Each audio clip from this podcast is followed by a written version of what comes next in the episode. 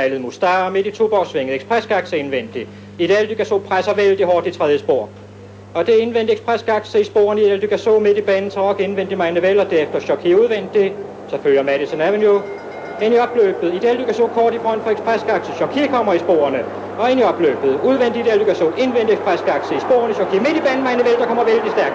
Det er i det så indvendigt ekspresgakse. Udvendigt Magne der kommer vældig godt. I det så med angriber Magne vældig stærkt i sporene. Spil på heste før nu. Det er et emne, som jeg har taget op i den her sammenhæng. I dag er spillemarkedet fyldt med utallige muligheder. Så fra man vælger at rense de mange muligheder, der findes op, bliver man hurtigt forpustet. Helt anderledes stiller det sig, når det drejer sig om vidensspil, som for eksempel spil på heste, som er et vidensspil baseret på egne observationer og oplysninger, der tilbydes enten som skrevne eller videregivet interview med trænere, staldfolk eller journalister. Dette forum har ændret sig meget fra før i tiden og frem til dagens hav af info. Når du kommer på banen til en løbsdag og står med dagens program i hånden, har du ingen anelse om, hvilken proces der har været i gang, inden du står med det færdige resultat. Da jeg begyndte på mit job i Lund, var proceduren følgende. Forvalter Knud Thy, han havde sine fodertavler, der indeholdt navnene på de heste, der var i træning og opstillet på banen ved de forskellige trænere. Det var inden, at mange heste opholdt sig på gårde og træningscenter uden for banen. Disse heste, der var opstillet på banen, blev bankeret på en liste, der var udarbejdet af centralbund, hvor de forskellige heste var ført op og opdateret med deres aktuelle præmiesummer. Og på den måde fik man et samlet indtryk over, hvilke heste, der var til disposition for deltagelse i løbene. På denne liste markerede man også de heste, der var trænet af amatørtræner og med ophold på deres gårde. De unge heste, der ikke havde været bragt til start, forespurgte man træner om deres status og om, hvornår de forventedes til start. Når man nåede så langt, havde man nu et samlet overblik over, hvorledes det samlede hestemateriale, der var til disposition, forholdt sig med hensyn til vundne pengepræmier, og således man nu kunne udskrive løbene til det kommende meeting, som indeholdt totalt tre løbsdage. Udover begynderløb for de ustartede heste, kunne man derefter fordele de allerede aktive heste i passende grupper efter deres præmiesummer. I de tre løb, der, der udgjorde et meeting, udvalgte man distancer over 1600 meter, 2000 meter og 2500 meter for løbene, som de pågældende heste passede ind i, baseret på deres allerede indtjente pengepræmier. Man benyttede sig således af det system, der kort og godt var kendt som penalitet. Man tilstræbte, at hesten i et meeting fik startmulighed på de tre omtalte distancer, og ligeledes tilstræbte man med hensyn til tillæg i løb. Også at den tænkte hest fik mindst et løb, hvor den kunne starte fra spids, samt løb, hvor den fik tillæg. Propositionen kunne også indeholde handicaps, hvor handicapperne i dette tilfælde undertegnet kunne bestemme, øh, hvor hesten skulle starte fra, hvilke distancer og hvilke tillæg de skulle have, indbyrdes for at nå frem til det resultat, der helst skulle være, at de skulle nå øh, mållinjen i samlet trop, uanset hvor de havde startet og med hvilket tillæg. Man udskrev rene overgangsløb, ligesom der altid var udskrevet et amatørløb på løbsdag. Der var mulighed for at anmelde en hest i flere løb, fordelt på de tre løbsdage. På anmeldelsesdagen afleverede trænerne blanketter med navne på de anmeldte heste, og de løb eller flere løb, som den pågældende hest skulle anmeldes til i meetinget.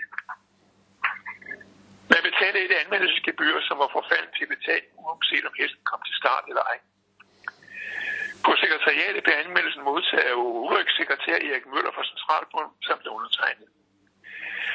Erik Møller og undertegnet havde hver en stor blok, hvor løbsdagens løb var opdelt. Og Ulrik læste hestens navn op den dag og det løb, den var foranmeldt til. Efter de to uger af i alt tre dage i meetingen var færdig opfyldt, fandt lodtrækning sted.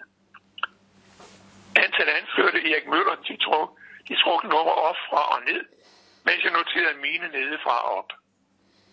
Tredje dagen i meetingen delte vi imellem os, således at Møller havde halvdelen og en af anmeldte løb og undertegnet de resterende. Herefter blev de anmeldte heste i respektive løb anført i lodtrækningsordenen derfra for den distance, de skulle starte fra, og maskinskrevet på et stencil, der skulle kopieres og trykkes. Her anførte man også signaturer på de kuske, der stod opført som træner og respektive kuske. For eksempel WKH, lige med Walter Kaiser Hansen. Der var også anført et P for heste, der skulle bestå prøveløb med faste tidskrav, før de kunne starte i rigtige løb. Det var her tilfælde for heste, der ikke var bragt til start for eksempel 8 måneder, eller som ikke havde noteret tre tider inden for de sidste 15 år starter. Det var således, at anmeldelseslisterne blev sendt, fremsendt til anmelderne og pressen. Vi havde også et F markeret på ud for hvilke heste. Det var dem, nogle, måske, måske nogle af dem, der var i prøveløb, hvor man F'et markerede, at man gerne ville have angivet en forventet præstation i det, der kunne være ganske langt spring fra tidskrav, den, den tid, der blev opnået og var krævet i prøveløbet, og til det, hesten skulle præsentere for at være spillerberettiget og med i præmie, og komme i præmierækken, for eksempel. I sekretariatet fastsatte vi, hvilken rækkefølge de forskellige løb skulle køres. De er pressets medlemmer, der ønsker at få oplyst, oplyst næste dags løbsdags startende heste og eventuelle informationer, blev inviteret til et fælles telefonmøde, der blev afholdt samme aften, som man havde afholdt løb. Det officielle program blev redigeret af sekretariatet, hvorefter det gik til trykkeriet, der var beliggende i Store Regnegade. En programside til løb indeholdt løbets proposition, var hesten opført efter startnummer, hestens afstamning, fem sidste starter med angivelse af dato, bane, distance, kurs, rekord og startpræmisum. Hestens ejer og dennes løbsfarver. vedslaget det grønne, som det kaldt, bragte ligeledes startlister til løbende. Med indførelsen af computer og internet blev hele processen omkring anmeldelser og startlister og programredigering gjort meget lettere, ligesom hele trykkerigangen. Der blev plads til flere informationer på den enkelte programside, når det galt de seneste starter, med angivelse af kusk, bane, dato og løbsnummer på dagen, statistikresultat på gjorte starter, ikke alene i indeværende år, men også på det foregående år, samt eventuelt også i de fem sidste starter. Det lettede også arbejdsgangen i løbssekretariat, at nu kunne man trække en lang række informationer. Hvis man for eksempel ønsker at se, hvilket hester var til disposition inden for en bestemt gruppe med hensyn til startpræmiesummer. Pressen bragte trips, tips og kommentarer til løbende, samt referater og resultater for løbende.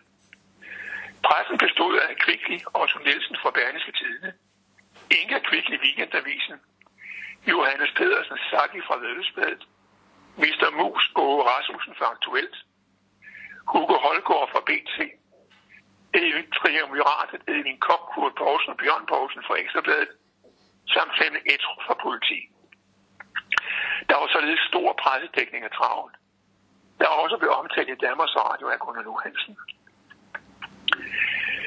Denne enestående dækning forsvandt, da den daværende formand på Lunden, Erik Juhl, offentligt gik ud og omtalte, at travsporten led af svigtende publikumsinteresse på løbsdagen. Denne tåbelige melding blev registreret af redaktørerne på avisernes sportssider, og ingen længe var den gode pressedækning forsvundet fra aviserne, så du for solen, og ikke siden vendt tilbage. Det var et selvmord på sporten af dimensioner. Af spillemuligheder dengang var der ud over travklop den ugelige 12 for Dansk Tipstjeneste, samt spil på brevduer, hvilket fandt sted i begrænset omfang. I dag er spil på heste under skarp konkurrence af flere tilbud fra dansk spil, med blandt andet lotto, odds og flere skrabespil. Spillet dels skal finde sted på nettet eller i kiosker og dagligvarerbutikker. Casino er også tilladt med ikke det store hit blandt danskerne. Her er der mere udlændinge, der er med, mest med i billedet. Spil på heste, som er et vidensspil, er under stærkt pres på spillemarkedet og må desværre have økonomisk støtte fra staten for at overleve. Denne støtte udgør PT 73 millioner, og den udløber i 2023. Hvad gør hestesportens tæld for at komme tilbage på banen? Udover spil på løbstand på den arrangerende bane gives der andre muligheder, som konto hos Danske Spil, der tager imod indskud i kiosker og dagligvarerbutikker, som for eksempel Føtex. Sportens eget spilleselskab, det nyindstiftede Derby. Tilbud i spilleformer andrager for eksempel ved 5 ved 4 vinder plads, tvilling, kom og trive. Men de største puljer, som danskerne spiller til indtil, er de svenske V75 og V86, mens det i Frankrig for tilfælde er plus 5, der trækker mest.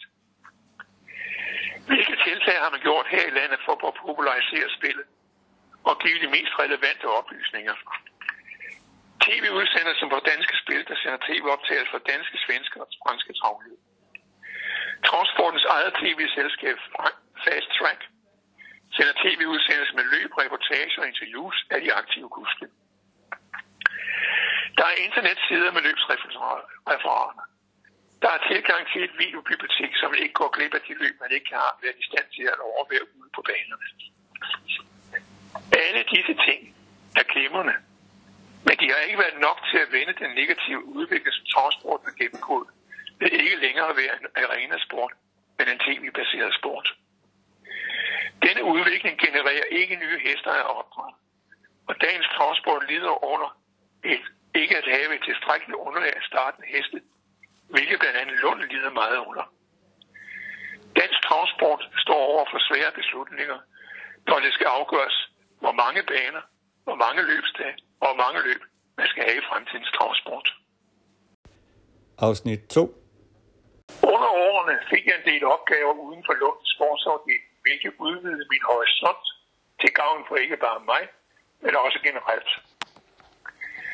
Vedesbladet havde i mange år haft en glimrende redaktionssekretær i Johannes Pedersen i dagligtale kaldet Saki. Saki var nået dertil i sit liv, at han syntes, at alderen begyndte at trykke. Han ville gerne stoppe sit mangeårige virke. Dengang var sæsonplanen delt op på en sådan måde, at man skiftede mellem Amager og Lund. Det åbnede op for, at jeg kunne tage imod tilbuddet om at acceptere en stilling som redaktionssekretær i de måneder, hvor løbende blev afviklet på Amager. Mens min gode ven Carsten Elkjær Knudsen var ved roret i de måneder, hvor løbende blev afviklet på Lunden. Og dermed også udgik nogen, undgik nogen form for interesse, konflikt i forholdet mellem de to baner. Det var også her, at min hustru Birte fik jobbet på kontoret som deltidsansat, hvilket hun var meget glad for. De var glade over, hvor kammeratskabet med Carsten og Knudsen og den delte stilling fungerede perfekt. Kai Hansen, signaturen Kajus, der havde stilling som trafikkontrollør i Grønholdt, Fredensborg, ønskede på grund af fremskreden alder at sælge Vedelsvig Vedelsblad. Karsten og jeg fik tilbuddet om at købe Vedelsbladet. Et tilbud, jeg valgte at sige nej tak til. Min familie og jeg boede på det tidspunkt på Amager i ikke alt for ideelle boligforhold. Dertil kom, at begge sønner var i den skolemodende øh, alder, og min hustru og jeg havde bestemt, at skolegangen ikke skulle foregå i København eller omegn. Vi købte et hus i Vimmerød, der ligger straks uden for Holbæk. Tilbuddet om at købe Vedested gik i stedet til Lars Donatski, gymnasielærer, og Johannes Hæk Nielsen, der læste til dyrlæge, og senere blev borgmester i Helsingør Kommune. De købte bladet i et par år, der kørte bladet i et par år, inden de skiftede ejer hele to gange. Først i Kai Kristrup, og derefter til Centralforbundet. Hvert år valgte en komité den person, der havde gjort det specielt godt i den forgangne sæson, og som blev valgt til at modtage Ekstrabladets hæderspris. Og Ulrik havde foreslået, at jeg blev valgt ind i den komité, der besluttede, hvem der skulle have prisen. Valget blev truffet af komiteens medlemmer på et møde i restaurant Overstallen. Men selve overrækkelse af den person, der var kåret, fandt sted på restauranten på, på Hotel Hafnia i forbindelse med julefrokost. I komiteen sad blandt andet også Otto Donatski og sekretær Erik Møller og DTC. Helt ud af det blå fik jeg et telefonopkald fra Johannes Fasius, der sad i bestyrelsen for Aalborg Vedløbsbane. Fasius kunne fortælle, at banen var havnet i en lidt ulykkelig situation, i det den nuværende daglige leder S.A. Jensen havde opsagt sin stilling med øjeblikkelig varsel. Hans stilling var blevet besat af af Knud Kvist, der kom fra Bilundbanen. S.A. Jensen ville under ingen omstændighed fortsætte, og den nyansatte kunne ikke forlade sin stilling på Bilundtrav før senere. Man søgte nogen substitut, der kunne gå ind og stå for den daglige drift, og det var derfor, man nu rettede henvendelse til undertegn. Jeg gik til Karl Andersen og forelagde sagen for ham. Han sagde ja under forudsætning, at mit vikariat i Aalborg ikke ville påvirke arbejdet på Lunden. Mandag var jeg på Lunden, hvor vi lavede startliste og program til den kommende løbsdag. Sidst på eftermiddagen, når den opgave var løst, så tog jeg en flyver fra, fra Kastrup. Turen gik til lufthavnen i Aalborg, og min far hentede mig og kørte mig til Aalborg Vedespænd, hvor jeg gik i gang med at sætte næste løbstestsprogram på Aalborgbanen. Når det var færdigt, gik den turen herefter hjem til hvile og hylde selskab i mit fædrene hjem. Om tirsdagen var jeg så på Aalborgbanen og ringede rundt til nogle trænere og andre anmeldere og fik programmet til næste løbsdag strikket sammen. Tirsdag aften var der så afgang for Aalborg Lufthavn, så kunne jeg kunne være på min plads på Lund onsdag morgen. Så frem til også var løb onsdag, var jeg også der om aftenen. Dette program kørte i en lille måneds tid, inden at manden fra Bilund, Knud Kvist, var klar til at overtage.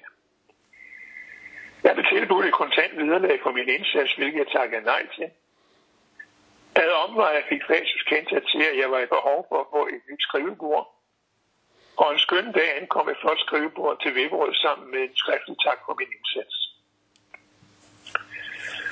Opdrætterforeningen holdt traditionen tro den årlige aktion over åringer. Aktionen fandt sted på Lundens staldterræn under åben himmel. En disposition, der ikke altid var så god, når vejrguderne var i dårligt humør. En gruppe af opdrætter gik i gang med at søge muligheder i Nordsjælland for at holde aktionen under lidt bedre vilkår. Det var personer som Bent Ole Retvig, Werner Jule Rasmussen, Paul Delente Jakobsen samt Jørgen V. Hansen, der var forgangsmænd.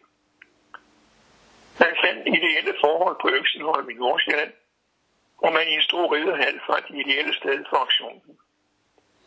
Aktionen fik opbakning gennem den kvalitetsgrønne, der blev tilmeldt denne aktion. Dagens ret var skiverdavskås. Og så stod der en lille flaske snaps med hilsen. En etiket velkvært et følte diger hos sin mor og teksten.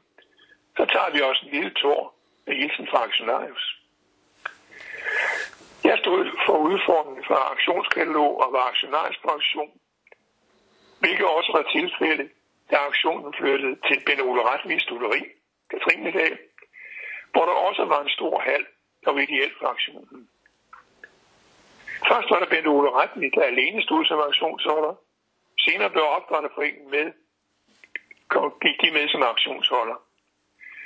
Årens aktioner i Danmark var med et rykket op i en højere division til glæde for alle involverede parter. Afsnit 3 Inden for hestesportens ledende skikkelser er der i store træk fred og ro. Men helt anderledes stiller det sig inden for travsporten hvor blandt andet tilblivelsen af Charlotte Lund blev en realitet efter en strid mellem dem, der kæmpede for travbanen ved Lyngbyvejen, som til slut måtte svare en gevær imod den gruppe, der gik ind for, at en travbane i Københavns område skulle ligge i Charlottenlund, hvor banen så åbnede i 1891. Parallellen til travkrigen 75 år senere mellem Charlottenlund og Rammer er slået. Den kraftfulde investering, som det danske travskab gjorde med bygningen af den store tribune, med blandt andet en inddækket del lysanlæg, der gjorde det muligt at afvikle løb aften om aften på Lunden, var en del af strategien til at blive den eneste bane i Storkøbenhavn og lukning af Amager Travbane. Det skabte stor uro, da Brøndbyernes dynamiske borgmester Kjeld Rasmussen fremsatte et forslag om, at man skulle sælge såvel Amager Travbane som Lund, og i stedet investere i en topmoderne bane, der skulle placeres i Brøndbyerne, og kommunen stiller arealet til rådighed. Dette forslag blev behandlet såvel ved en ekstraordinær generalsamling i det danske dragskab, hvor det blev vedtaget med en faldt med en enkelt stemme på Amars generalforsamling. Det areal i Brøndbyerne, som var tiltænkt, tiltænkt den nye moderne travbane, gik nu i stedet til Dansk Idrætsforbund. Her i et nyt århundrede er vi på samme vej, som borgmester Kjell Rasmussen foreslog, med et salg af Lunden til fordel for en ny topmoderne bane, og denne gang at Høje Torstrup Kommunen, der beredvilligt stiller areal til disposition. Det skal blive spændende at se, hvorledes det går denne gang, og blot håbe, at fornuften vinder over følelser. Efter de kuldkastede planer om flytning til Brøndbyerne, udbrød den travkrig, hvor hovedparten af hestear og træner gik ind for Lunden. Sæsonplanerne, som de var kendte med lukning af den ene bane, mens den anden bane kørte, var en saga blot, og Lunden kørte nu hele tre gange om ugen, også i de perioder, hvor Amager havde deres løb. Det var en hård tid for Lunds personale med tre løbsdage om ugen, og det var ikke meget, jeg så til min familie i den periode. Resultatet blev et underskud på flere millioner for Amager, mens Lunden kunne nøjes med et underskud på 600.000 kroner. Senere kom så lukningen på Amager, som flyttede til Bjæverskov og åbnede Skovbanen, der ligeledes endte i falit og lukning, hvor efter Lunden købte banen. Det var tragisk at se, hvorledes mange af transportens midler, der blev bortkastet, først og fremmest på grund af menneskers forfængelighed og personlige interesser. Man må videre håbe, at samme scenarie ikke gentager sig her i 2021. Selvom Amager lukkede og åbning af skovproblemet i Bjergskov var det ikke problemfrit for transport på Lund. Blandt andet med hensyn til stillingtagen til amatørtrænede heste. Flere ønsker fra trænerforeningen, der blandt andet ønskede en pensionsordning for sine medlemmer, samt en begrænsning af startmuligheder for de ejere og trænere, der havde bakket Amager op under travkrigen. Stemningen var ikke helt så god, blev ikke bedre, da man så at sige rystede posen ved at give trænerlicens til de to Lunden talenter, Max Nielsen og Axel Jacobsen. Og helt galt gik det, da kometen fra Billund Preben Kærsgaard også fik sin licens flyttet til Lunden. Konkurrencen blandt de professionelle blev så hård, at mange af de træner, der tidligere havde været toneangivende, måtte lukke og slukke deres forretninger. På et andet område skete der også forandringer. Det drejer sig her om kvindernes position inden for sporten. I 1942 skete der et tragisk løb på Amager, der involverede Tilladegret, der startede i et dameløb. Herefter blev kvinderne formentlig deltagelse i løbene. Da den russiske kvinde Maria Bordova gæstede Lunden og sad da Abelsen over. I et løb åbnede det op for en debat, der endte i, at kvinderne blev lukket ind for i varmen med mulighed for deltagelse i løbene.